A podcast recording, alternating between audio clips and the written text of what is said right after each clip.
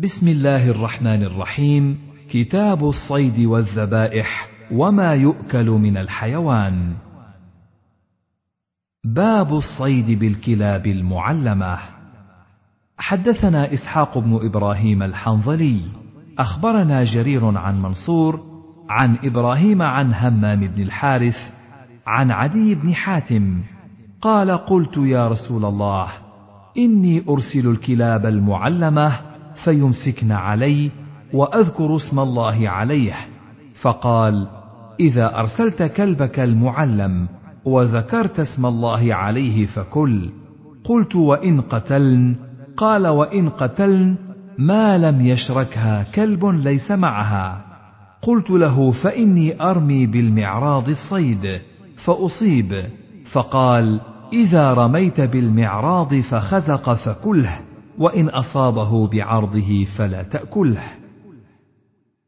حدثنا أبو بكر بن أبي شيبة حدثنا ابن فضيل عن بيان عن الشعبي عن عدي بن حاتم قال سألت رسول الله صلى الله عليه وسلم قلت أنا قوم نصيد بهذه الكلاب. فقال إذا أرسلت كلابك المعلمة وذكرت اسم الله عليها فكل مما امسكن عليك وإن قتلن إلا أن يأكل الكلب فإن أكل فلا تأكل فإني أخاف أن يكون إنما أمسك على نفسه وإن خالطها كلاب من غيرها فلا تأكل.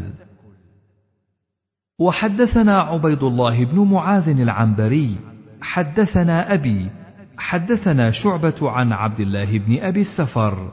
عن الشعبي عن عدي بن حاتم قال سألت رسول الله صلى الله عليه وسلم عن المعراض فقال إذا أصاب بحده فكل وإذا أصاب بعرضه فقتل فإنه وقيذ فلا تأكل. وسألت رسول الله صلى الله عليه وسلم عن الكلب فقال إذا أرسلت كلبك وذكرت اسم الله فكل فإن أكل منه فلا تأكل. فإنه إنما أمسك على نفسه. قلت فإن وجدت مع كلبي كلبا آخر فلا أدري أيهما أخذه. قال فلا تأكل فإنما سميت على كلبك ولم تسم على غيره. وحدثنا يحيى بن أيوب حدثنا ابن عليه قال وأخبرني شعبة عن عبد الله بن أبي السفر.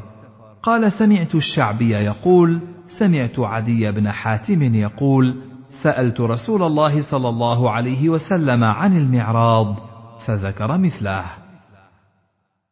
وحدثني أبو بكر بن نافع العبدي حدثنا غندر حدثنا شعبة حدثنا عبد الله بن أبي السفر وعن ناس ذكر شعبة عن الشعبي قال سمعت عدي بن حاتم قال سألت رسول الله صلى الله عليه وسلم عن المعراض بمثل ذلك.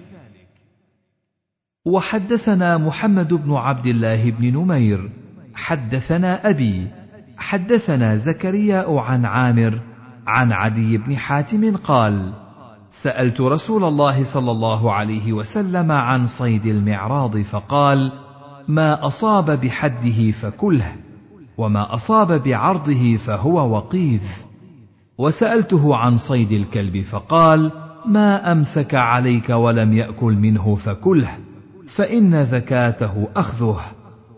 فإن وجدت عنده كلبا آخر فخشيت أن يكون أخذه معه وقد قتله فلا تأكل إنما ذكرت اسم الله على كلبك ولم تذكره على غيره. وحدثنا إسحاق بن إبراهيم أخبرنا عيسى بن يونس حدثنا زكريا بن أبي زائدة بهذا الإسناد. وحدثنا محمد بن الوليد بن عبد الحميد. حدثنا محمد بن جعفر. حدثنا شعبة عن سعيد بن مسروق. حدثنا الشعبي قال سمعت عدي بن حاتم وكان لنا جارا ودخيلا وربيطا بالنهرين.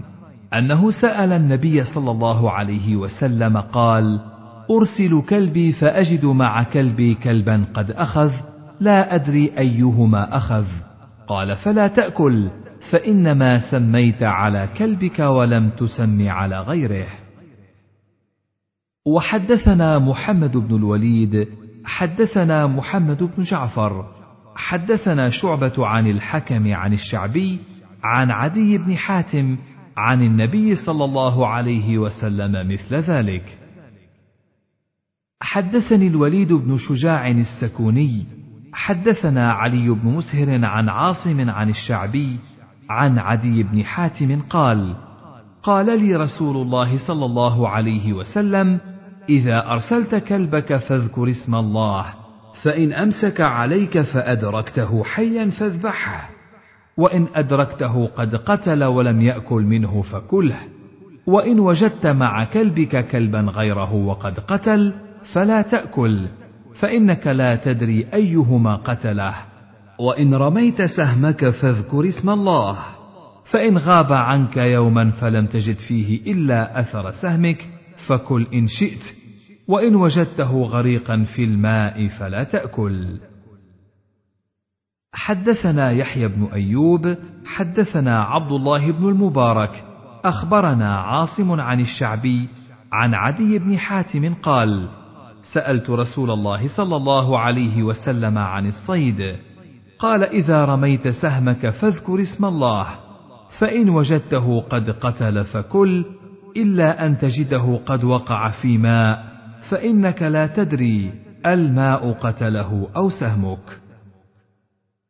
حدثنا هناد بن السري حدثنا ابن المبارك عن حيوة بن شريح قال سمعت ربيعة بن يزيد الدمشقي يقول أخبرني أبو إدريس عائذ الله قال سمعت أبا ثعلبة الخشني يقول أتيت رسول الله صلى الله عليه وسلم فقلت يا رسول الله أنا بارض قوم من أهل الكتاب ناكل في انيتهم وارض صيد اصيد بقوسي واصيد بكلبي المعلم أو بكلبي الذي ليس بمعلم.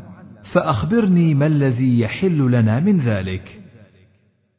قال اما ما ذكرت انكم بارض قوم من أهل الكتاب تاكلون في انيتهم فان وجدتم غير انيتهم فلا تاكلوا فيها. وإن لم تجدوا فاغسلوها ثم كلوا فيها. وأما ما ذكرت أنك بأرض صيد فما أصبت بقوسك فاذكر اسم الله ثم كل. وما أصبت بكلبك المعلم فاذكر اسم الله ثم كل. وما أصبت بكلبك الذي ليس بمعلم فأدركت زكاته فكل. وحدثني أبو الطاهر أخبرنا ابن وهب حا. وحدثني زهير بن حرب حدثنا المقرئ كلاهما عن حيوة بهذا الإسناد نحو حديث ابن المبارك غير أن حديث ابن وهب لم يذكر فيه صيد القوس. باب إذا غاب عنه الصيد ثم وجده.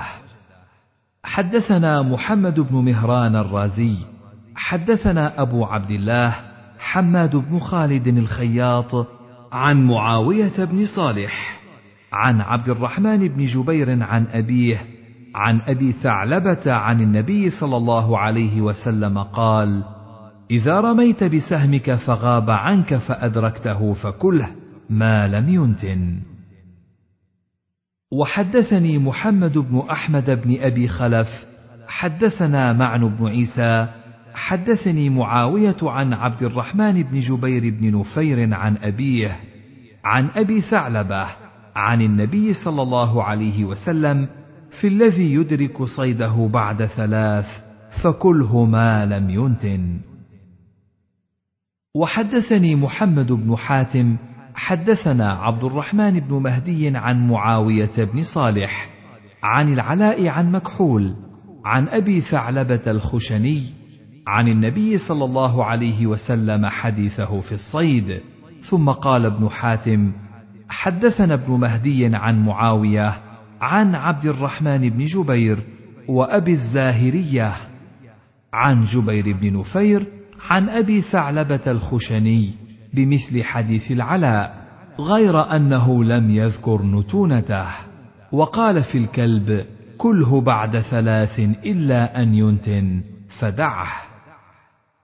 باب تحريم أكل كل ذي ناب من السباع وكل ذي مخلب من الطير. حدثنا أبو بكر بن أبي شيبة وإسحاق بن إبراهيم وابن أبي عمر. قال إسحاق أخبرنا وقال الآخران حدثنا سفيان بن عيينة عن الزهري عن أبي إدريس عن أبي ثعلبة قال نهى النبي صلى الله عليه وسلم عن أكل كل ذي ناب من السبع. زاد إسحاق وابن أبي عمر في حديثهما. قال الزهري ولم نسمع بهذا حتى قدمنا الشام. وحدثني حرملة بن يحيى أخبرنا ابن وهب. أخبرني يونس عن ابن شهاب عن أبي إدريس الخولاني أنه سمع أبا ثعلبة الخشني يقول: نهى رسول الله صلى الله عليه وسلم عن أكل كل ذي ناب من السباع. قال ابن شهاب: ولم أسمع ذلك من علمائنا بالحجاز، حتى حدثني أبو إدريس وكان من فقهاء أهل الشام. وحدثني هارون بن سعيد الأيلي حدثنا ابن وهب أخبرنا عمرو يعني ابن الحارث أن ابن شهاب حدثه عن أبي إدريس الخولاني عن أبي ثعلبة الخشني أن رسول الله صلى الله عليه وسلم نهى عن أكل كل ذي ناب من السباع. وحدثنيه أبو الطاهر أخبرنا ابن وهب أخبرني مالك بن أنس وابن أبي ذئب وعمرو بن الحارث ويونس بن يزيد وغيرهم. حا. وحدثني محمد بن رافع وعبد بن حميد عن عبد الرزاق عن معمر. حا. وحدثنا يحيى بن يحيى أخبرنا يوسف بن الماجشون حا. وحدثنا الحلواني وعبد بن حميد عن يعقوب بن إبراهيم بن سعد. حدثنا أبي عن صالح كلهم عن الزهري بهذا الإسناد مثل حديث يونس وعمر كلهم ذكر الأكل إلا صالحا ويوسف فإن حديثهما نهى عن كل ذي ناب من السبع. وحدثني زهير بن حرب حدثنا عبد الرحمن يعني ابن مهدي عن مالك عن إسماعيل بن أبي حكيم عن عبيدة بن سفيان عن أبي هريرة عن النبي صلى الله عليه وسلم قال كل ذي ناب من السباع فأكله حرام. وحدثنيه أبو الطاهر أخبرنا ابن وهب أخبرني مالك بن أنس بهذا الإسناد مثله. وحدثنا عبيد الله بن معاذ العنبري حدثنا أبي حدثنا شعبة عن الحكم عن ميمون بن مهران عن ابن عباس قال نهى رسول الله صلى الله عليه وسلم عن كل ذي ناب من السباع وعن كل ذي مخلب من الطير. وحدثني حجاج بن الشاعر حدثنا سهل بن حماد حدثنا شعبة بهذا الإسناد مثله. وحدثنا أحمد بن حنبل حدثنا سليمان بن داود حدثنا أبو عوانة حدثنا الحكم وأبو بشر عن ميمون بن مهران عن ابن عباس أن رسول الله صلى الله عليه وسلم نهى عن كل ذي ناب من السباع وعن كل ذي مخلب من الطير. وحدثنا يحيى بن يحيى أخبرنا هشيم عن أبي بشر حا. وحدثنا أحمد بن حنبل حدثنا هشيم قال أبو بشر أخبرنا عن ميمون بن مهران عن ابن عباس قال نهى حا. وحدثني أبو كامل الجحدري حدثنا أبو عوانة عن أبي بشر عن ميمون بن مهران عن ابن عباس قال نهى رسول الله صلى الله عليه وسلم بمثل حديث شعبة عن الحكم. باب إباحة ميتات البحر. حدثنا أحمد بن يونس حدثنا زهير حدثنا أبو الزبير عن جابر حا. وحدثناه يحيى بن يحيى أخبرنا أبو خيثمة عن أبي الزبير عن جابر قال بعثنا رسول الله صلى الله عليه وسلم وأمر علينا أبا عبيدة نتلقى عيرا لقريش وزودنا جرابا من تمر لم يجد لنا غيره. فكان أبو عبيدة يعطينا تمرة تمرة. قال فقلت كيف كنتم تصنعون بها؟ قال نمصها كما يمص الصبي. ثم نشرب عليها من الماء فتكفينا يومنا إلى الليل. وكنا نضرب بعصينا الخبط ثم نبله بالماء فنأكله. قال وانطلقنا على ساحل البحر فرفع لنا على ساحل البحر كهيئة الكثيب الضخم فأتيناه فإذا هي دابة تدعى العنبر. قال قال أبو عبيدة ميته. ثم قال لا بل نحن رسل رسول الله صلى الله عليه وسلم وفي سبيل الله وقد اضطررتم فكلوا. قال فأقمنا عليه شهرا ونحن ثلاثمائة حتى سمنا. قال ولقد رأيتنا نغترف من وقب عينه بالقلال الدهن ونقتطع منه الفدر كالثور أو كقدر الثور. فلقد أخذ منا أبو عبيدة ثلاثة عشر رجلا فأقعدهم في وقب عينه وأخذ ضلعا من أضلاعه فأقامها ثم رحل أعظم بعير معنا فمر من تحتها وتزودنا من لحمه وشائق. فلما قدمنا المدينة أتينا رسول الله صلى الله عليه وسلم فذكرنا ذلك له. فقال هو رزق أخرجه الله لكم فهل معكم من لحمه شيء فتطعمنا قال فأرسلنا إلى رسول الله صلى الله عليه وسلم منه فأكله. حدثنا عبد الجبار بن العلاء حدثنا سفيان. قال سمع عمرو جابر بن عبد الله يقول بعثنا رسول الله صلى الله عليه وسلم ونحن ثلاثمائة راكب وأميرنا أبو عبيدة بن الجراح نرصد عيرا لقريش. فأقمنا بالساحل نصف شهر فأصابنا جوع شديد حتى أكلنا الخبط. فسمي جيش الخبط. فألقى لنا البحر دابة يقال لها العنبر. فأكلنا منها نصف شهر وادهنا من ودكها حتى ثابت أجسامنا. قال فأخذ أبو عبيدة ضلعا من أضلاعه فنصبه. ثم نظر إلى أطول رجل في الجيش وأطول جمل فحمله عليه فمر تحته. قال وجلس في حجاج عينه نفر. قال وأخرجنا من وقب عينه كذا وكذا قلة ودك. قال وكان معنا جراب من تمر. فكان أبو عبيدة يعطي كل رجل منا قبضة قبضة ثم أعطانا تمرة تمرة فلما فني وجدنا فقده. وحدثنا عبد الجبار بن العلاء حدثنا سفيان قال سمع عمرو جابرا يقول في جيش الخبط إن رجلا نحر ثلاث جزائر ثم ثلاثا ثم ثلاثا ثم نهاه أبو عبيدة. وحدثنا عثمان بن أبي شيبة حدثنا عبدة يعني بن سليمان عن هشام بن عروة عن وهب بن كيسان عن جابر بن عبد الله قال بعثنا النبي صلى الله عليه وسلم ونحن ثلاثمائة. نحمل أزوادنا على رقابنا. وحدثني محمد بن حاتم حدثنا عبد الرحمن بن مهدي عن مالك بن أنس عن أبي نعيم وهب بن كيسان أن جابر بن عبد الله أخبره قال بعث رسول الله صلى الله عليه وسلم سرية ثلاثمائة وأمر عليهم أبا عبيدة بن الجراح.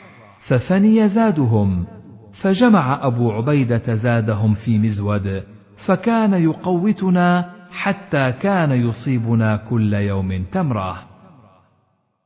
وحدثنا أبو كريب حدثنا أبو أسامة حدثنا الوليد يعني ابن كثير.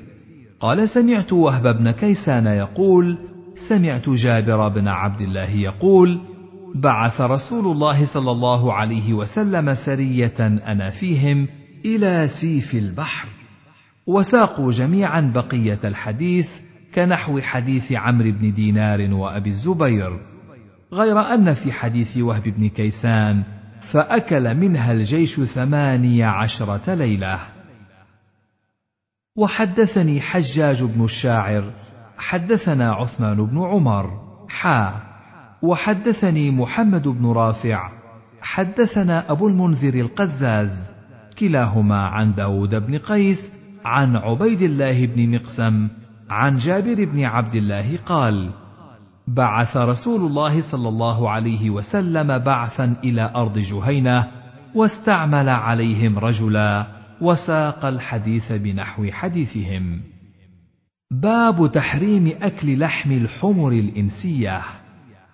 حدثنا يحيى بن يحيى قال قرأت على مالك بن أنس عن ابن شهاب عن عبد الله والحسن ابني محمد بن علي عن أبيهما عن علي بن أبي طالب أن رسول الله صلى الله عليه وسلم نهى عن متعة النساء يوم خيبر وعن لحوم الحمر الانسيه حدثنا أبو بكر بن أبي شيبة وابن نمير وزهير بن حرب. قالوا حدثنا سفيان حا. وحدثنا ابن نمير حدثنا أبي حدثنا عبيد الله حا. وحدثني أبو الطاهر وحرملة. قالا أخبرنا ابن وهب. أخبرني يونس حا. وحدثنا إسحاق وعبد بن حميد. قالا أخبرنا عبد الرزاق أخبرنا معمر. كلهم عن الزهري بهذا الإسناد.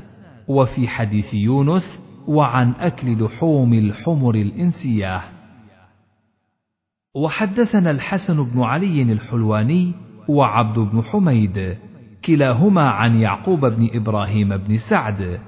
حدثنا أبي عن صالح عن ابن شهاب أن أبا إدريس أخبره أن أبا ثعلبة قال حرم رسول الله صلى الله عليه وسلم لحوم الحمر الأهلية. وحدثنا محمد بن عبد الله بن نمير حدثنا أبي حدثنا عبيد الله حدثني نافع وسالم عن ابن عمر أن رسول الله صلى الله عليه وسلم نهى عن أكل لحوم الحمر الأهلية. وحدثني هارون بن عبد الله حدثنا محمد بن بكر أخبرنا ابن جريج أخبرني نافع قال قال ابن عمر حا. وحدثنا ابن أبي عمر حدثنا أبي ومعن بن عيسى عن مالك بن أنس عن نافع عن ابن عمر قال نهى رسول الله صلى الله عليه وسلم عن أكل الحمار الأهلي يوم خيبر وكان الناس احتاجوا إليها. وحدثنا أبو بكر بن أبي شيبة حدثنا علي بن مسهر عن الشيباني. قال سألت عبد الله بن أبي أوفى عن لحوم الحمر الأهلية فقال أصابتنا مجاعة يوم خيبر ونحن مع رسول الله صلى الله عليه وسلم وقد أصبنا للقوم حمرا خارجة من المدينة فنحرناها فإن قدورنا لتغلي. إذ نادى منادي رسول الله صلى الله عليه وسلم أن اكفأوا القدور ولا تطعموا من لحوم الحمر شيئا. فقلت حرمها تحريم ماذا؟ قال تحدثنا بيننا فقلنا حرمها البتة وحرمها من أجل أنها لم تخمس. وحدثنا أبو كامل فضيل بن حسين حدثنا عبد الواحد يعني بن زياد حدثنا سليمان الشيباني قال سمعت عبد الله بن أبي أوفى يقول أصابتنا مجاعة ليالي خيبر فلما كان يوم خيبر وقعنا في الحمر الأهلية فانتحرناها فلما غلت بها القدور نادى منادي رسول الله صلى الله عليه وسلم أن اكفأوا القدور ولا تأكلوا من لحوم الحمر شيئا. قال فقال ناس إنما نهى عنها رسول الله صلى الله عليه وسلم لأنها لم تخمس وقال آخرون نهى عنها البته حدثنا عبيد الله بن معاذ حدثنا أبي حدثنا شعبة عن عدي وهو ابن ثابت. قال سمعت البراء وعبد الله بن أبي أوفى يقولان أصبنا حمرا فطبخناها. فنادى منادي رسول الله صلى الله عليه وسلم اكفأوا القدور. وحدثنا ابن المثنى وابن بشار. قال حدثنا محمد بن جعفر. حدثنا شعبة عن أبي إسحاق. قال قال البراء أصبنا يوم خيبر حمرا. فنادى منادي رسول الله صلى الله عليه وسلم أن اكفأوا القدور. وحدثنا أبو كريب وإسحاق بن إبراهيم. قال أبو كريب حدثنا ابن بشر عن مسعر عن ثابت بن عبيد. قال سمعت البراء يقول نهينا عن لحوم الحمر الأهلية. وحدثنا زهير بن حرب حدثنا جرير عن عاصم عن الشعبي عن البراء بن عازب قال أمرنا رسول الله صلى الله عليه وسلم أن نلقي لحوم الحمر الأهلية نيئة ونضيجة ثم لم يأمرنا بأكله. وحدثنيه أبو سعيد الأشج حدثنا حفص يعني بن غياث عن عاصم بهذا الإسناد نحوه. وحدثني أحمد بن يوسف الأزدي حدثنا عمر بن حفص بن غياث حدثنا أبي عن عاصم عن عامر عن ابن عباس قال لا أدري إنما نهى عنه رسول الله صلى الله عليه وسلم من أجل أنه كان حمولة الناس فكره أن تذهب حمولتهم أو حرمه في يوم خيبر لحوم الحمر الأهلية.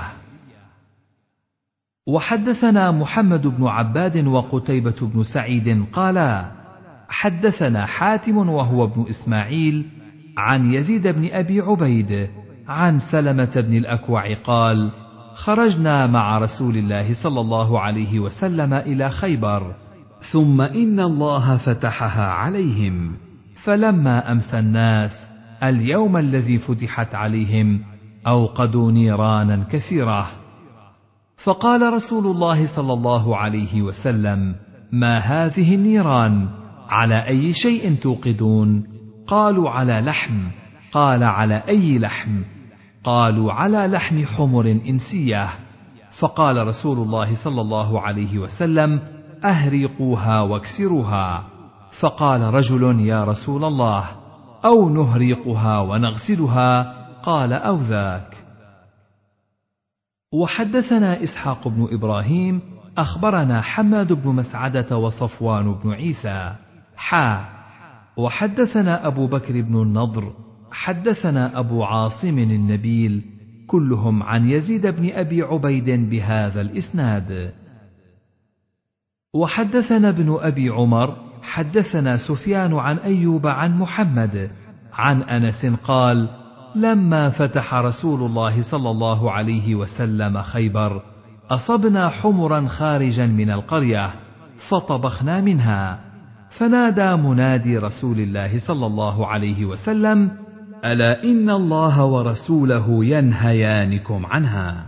فإنها رجس من عمل الشيطان فأكفئت القدور بما فيها وإنها لتفور بما فيها. حدثنا محمد بن منهال الضرير حدثنا يزيد بن زريع حدثنا هشام بن حسان عن محمد بن سيرين عن أنس بن مالك قال لما كان يوم خيبر جاء جاء فقال يا رسول الله أكلت الحمر ثم جاء آخر فقال يا رسول الله أفنيت الحمر.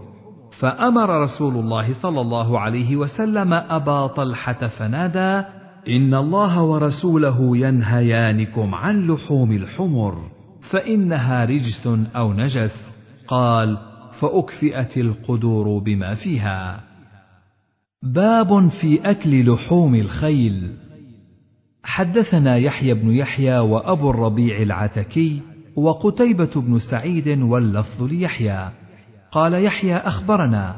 وقال الآخران حدثنا حماد بن زيد عن عمرو بن دينار عن محمد بن علي عن جابر بن عبد الله أن رسول الله صلى الله عليه وسلم نهى يوم خيبر عن لحوم الحمر الأهلية وأذن في لحوم الخيل.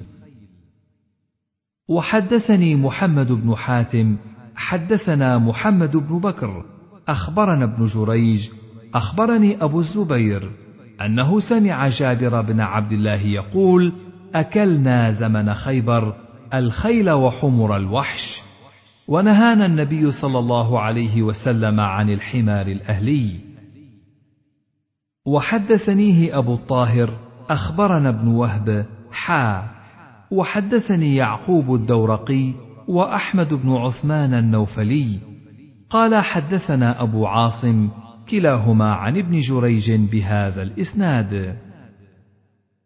وحدثنا محمد بن عبد الله بن نمير حدثنا أبي وحفص بن غياث ووكيع عن هشام.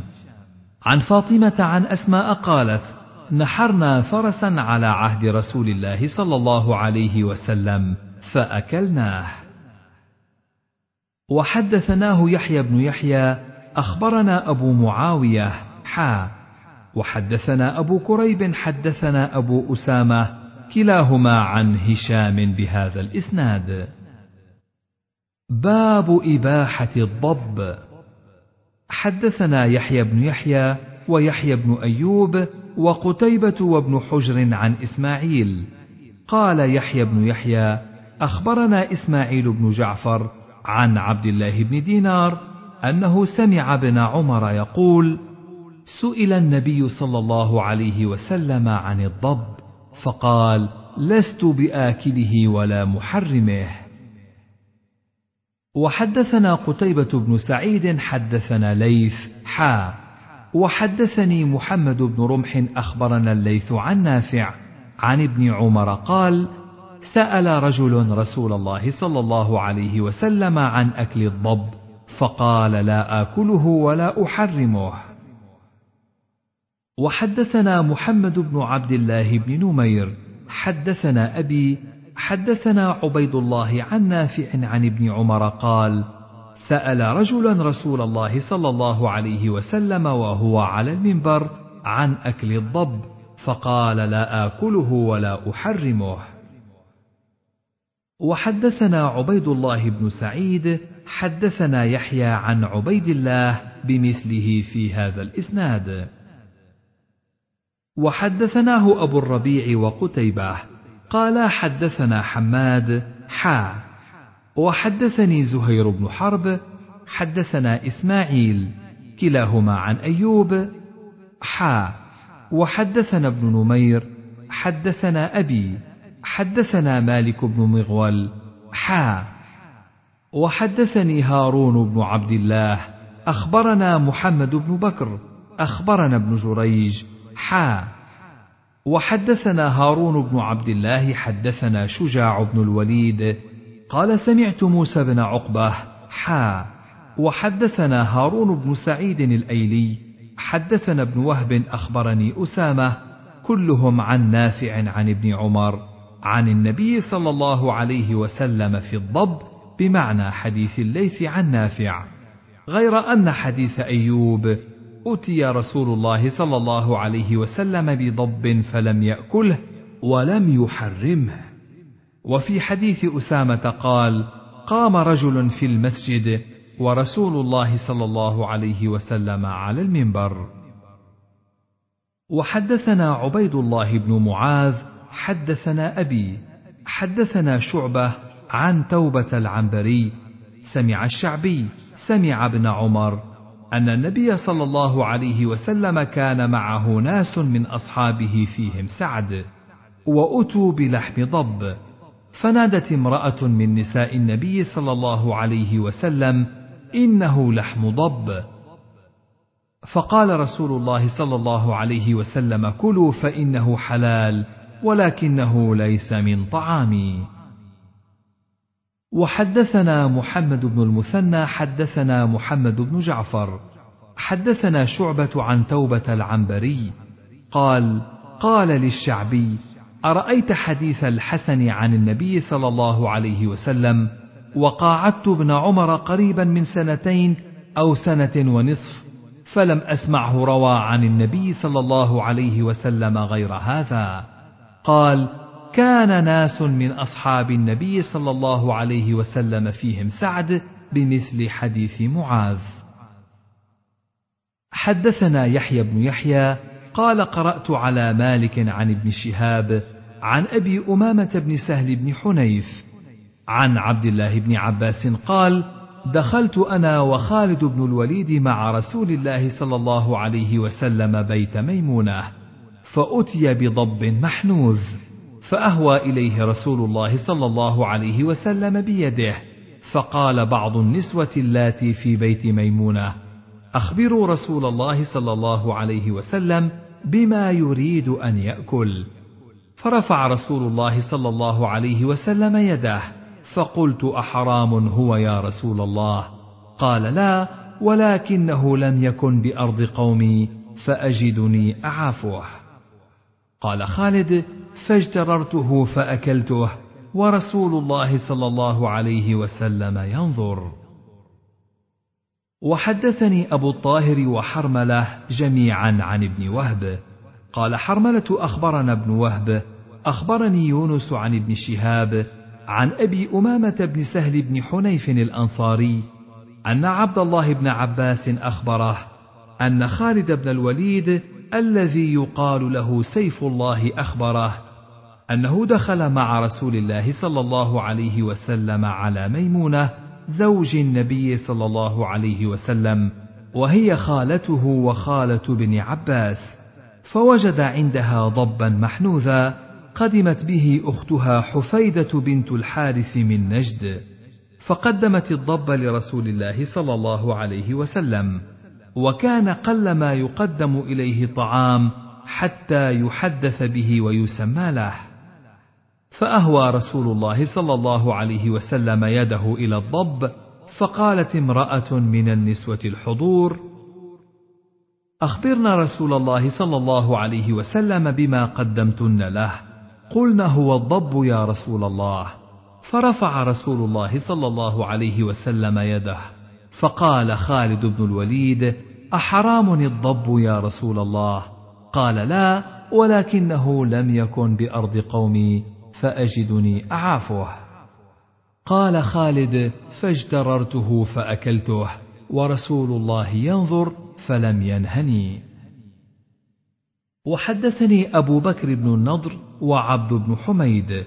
قال عبد أخبرني وقال أبو بكر حدثنا يعقوب بن إبراهيم بن سعد.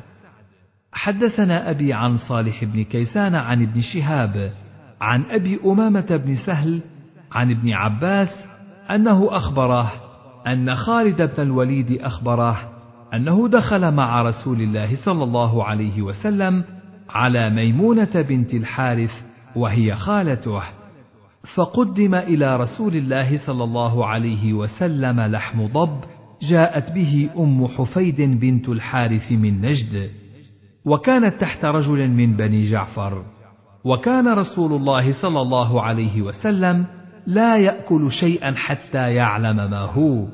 ثم ذكر بمثل حديث يونس وزاد في آخر الحديث وحدثه ابن الأصم عن ميمونة وكان في حجرها. وحدثنا عبد بن حميد أخبرنا عبد الرزاق أخبرنا معمر عن الزهري عن أبي أمامة بن سهل بن حنيف عن ابن عباس قال أتي النبي صلى الله عليه وسلم ونحن في بيت ميمونة بضبين مشويين بمثل حديثهم ولم يذكر يزيد بن الأصم عن ميمونة. وحدثنا عبد الملك بن شعيب بن الليث حدثنا أبي عن جدي حدثني خالد بن يزيد حدثني سعيد بن أبي هلال عن ابن المنكدر أن أبا أمامة بن سهل أخبره عن ابن عباس قال أتي رسول الله صلى الله عليه وسلم وهو في بيت ميمونة وعنده خالد بن الوليد بلحم ضب فذكر بمعنى حديث الزهري. وحدثنا محمد بن بشار وأبو بكر بن نافع. قال ابن نافع أخبرنا غندر حدثنا شعبة عن أبي بشر عن سعيد بن جبير. قال سمعت ابن عباس يقول أهدت خالتي أم حفيد إلى رسول الله صلى الله عليه وسلم سمنا وأقطا وأضبا فأكل من السمن والأقط وترك الضب تقذرا وأكل على مائدة رسول الله صلى الله عليه وسلم. ولو كان حراما ما أكل على مائدة رسول الله صلى الله عليه وسلم. حدثنا أبو بكر بن أبي شيبة حدثنا علي بن مسهر عن الشيباني عن يزيد بن الأصم قال دعانا عروس بالمدينة فقرب إلينا ثلاثة عشر ضبا فآكل وتارك فلقيت ابن عباس من الغد فأخبرته فأكثر القوم حوله حتى قال بعضهم قال رسول الله صلى الله عليه وسلم لا آكله ولا أنهى عنه ولا أحرمه. فقال ابن عباس بئس ما قلتم ما بعث نبي الله صلى الله عليه وسلم إلا محلا ومحرما. إن رسول الله صلى الله عليه وسلم بينما هو عند ميمونة وعنده الفضل بن عباس وخالد بن الوليد وامرأة أخرى إذ قرب إليهم خوان عليه لحم. فلما أراد النبي صلى الله عليه وسلم أن يأكل قالت له ميمونة إنه لحم ضب فكف يده. وقال هذا لحم لم آكله قط. وقال لهم كلوا. فأكل منه الفضل وخالد بن الوليد والمرأة. وقالت ميمونة لا آكل من شيء إلا شيء يأكل منه رسول الله صلى الله عليه وسلم. حدثنا إسحاق بن إبراهيم وعبد بن حميد. قال أخبرنا عبد الرزاق عن ابن جريج. أخبرني أبو الزبير أنه سمع جابر بن عبد الله يقول أتي رسول الله صلى الله عليه وسلم بضب فأبى أن يأكل منه وقال لا أدري لعله من القرون التي مسخت. وحدثني سلمة بن شبيب حدثنا الحسن بن أعين حدثنا معقل عن أبي الزبير قال سألت جابرا عن الضب فقال لا تطعموه وقذره وقال قال عمر بن الخطاب إن النبي صلى الله عليه وسلم لم يحرمه إن الله عز وجل ينفع به غير واحد فإنما طعام عامة الرعاء منه. ولو كان عندي طعمته. وحدثني محمد بن المثنى حدثنا ابن أبي عدي عن داود عن أبي نضرة عن أبي سعيد قال قال رجل يا رسول الله إنا بأرض مضبة فما تأمرنا أو فما تفتينا؟ قال ذكر لي أن أمة من بني إسرائيل مسخت فلم يأمر ولم ينه. قال أبو سعيد فلما كان بعد ذلك قال عمر إن الله عز وجل لا ينفع به غير واحد وإنه لطعام عامة هذه الرعاء. ولو كان عندي لطعمته إنما عافه رسول الله صلى الله عليه وسلم. حدثني محمد بن حاتم حدثنا بهز حدثنا أبو عقيل الدورقي حدثنا أبو نضرة عن أبي سعيد أن اعرابيا أتى رسول الله صلى الله عليه وسلم فقال إني في غائط مضبة وإنه عامة طعام أهلي. قال فلم يجبه. فقلنا عاوده. فعاوده فلم يجبه. ثلاثا.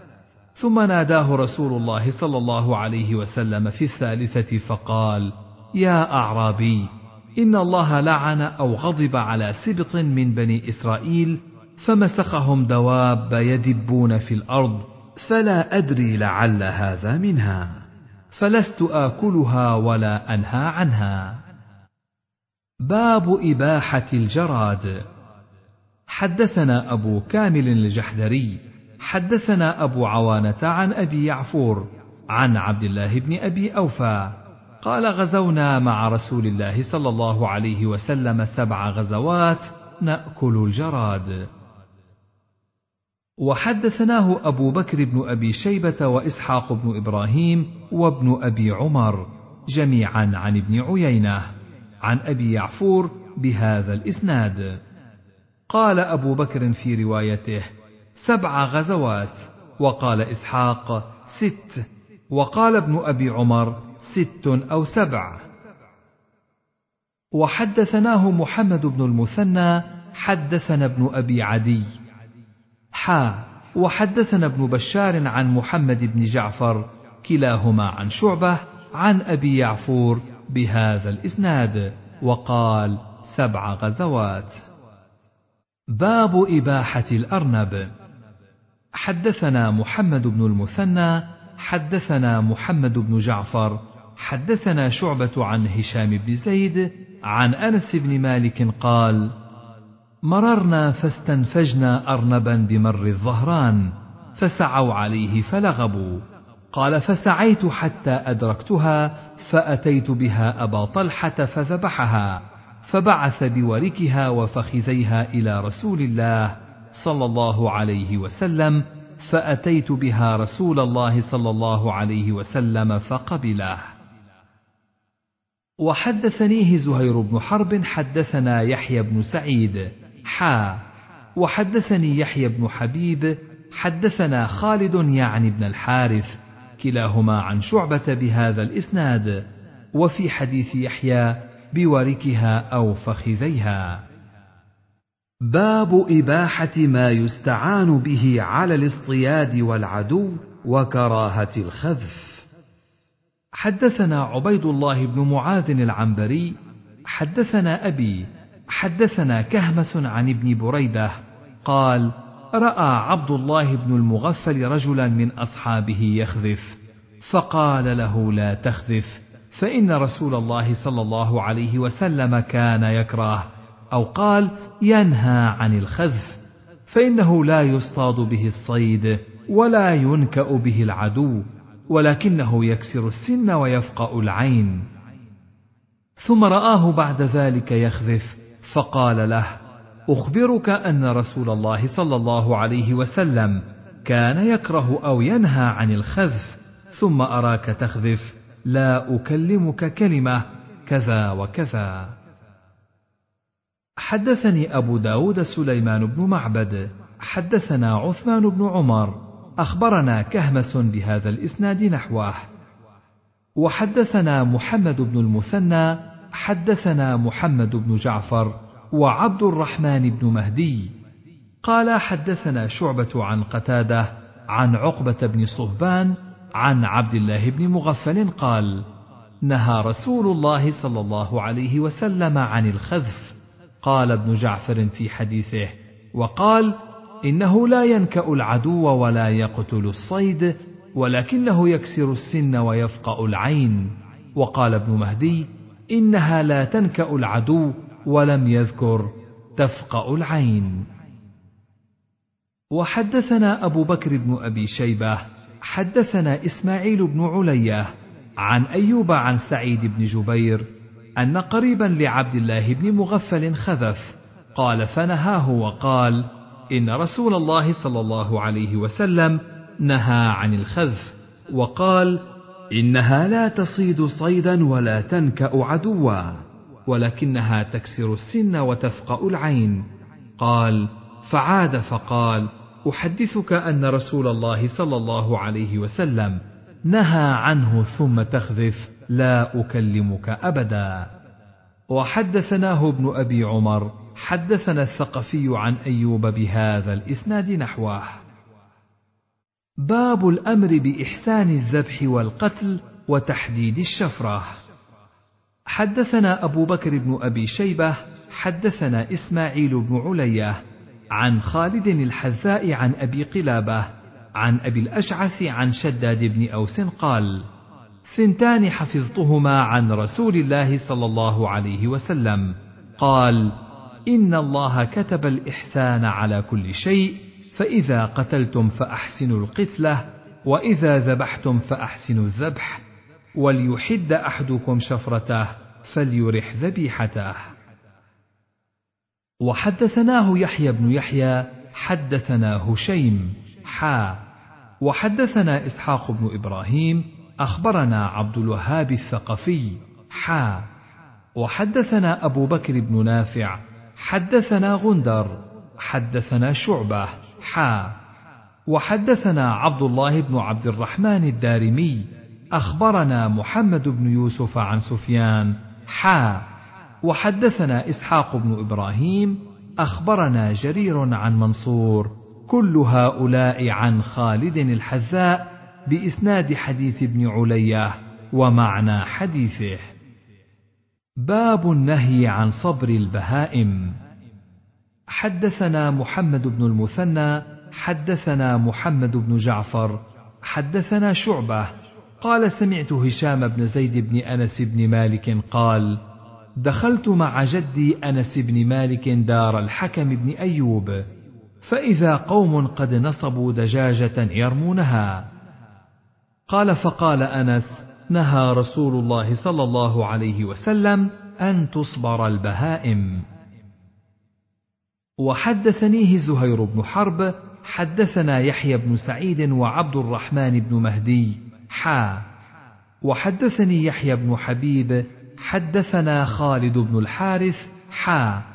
وحدثنا أبو كريب حدثنا أبو أسامة كلهم عن شعبة بهذا الإسناد. وحدثنا عبيد الله بن معاذ حدثنا أبي حدثنا شعبة عن عدي عن سعيد بن جبير عن ابن عباس أن النبي صلى الله عليه وسلم قال لا تتخذوا شيئا فيه الروح غرضا. وحدثناه محمد بن بشار حدثنا محمد بن جعفر وعبد الرحمن بن مهدي عن شعبة بهذا الإسناد مثله. وحدثنا شيبان بن فروخ وأبو كامل واللفظ لأبي كامل. قال حدثنا أبو عوانة عن أبي بشر عن سعيد بن جبير. قال مر ابن عمر بنفر قد نصبوا دجاجة يترامونها فلما رأوا ابن عمر تفرقوا عنها فقال ابن عمر من فعل هذا؟ إن رسول الله صلى الله عليه وسلم لعن من فعل هذا.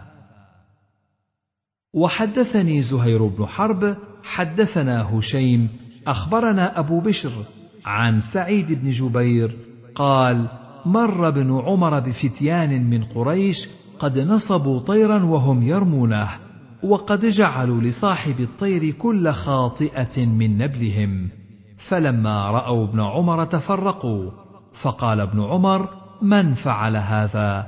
لعن الله من فعل هذا. إن رسول الله صلى الله عليه وسلم لعن من اتخذ شيئا فيه الروح غرضا. حدثني محمد بن حاتم حدثنا يحيى بن سعيد عن ابن جريج حا. وحدثنا عبد بن حميد أخبرنا محمد بن بكر أخبرنا ابن جريج حا. وحدثني هارون بن عبد الله حدثنا حجاج بن محمد قال قال ابن جريج أخبرني أبو الزبير أنه سمع جابر بن عبد الله يقول نهى رسول الله صلى الله عليه وسلم أن يقتل شيء من الدواب صبرا.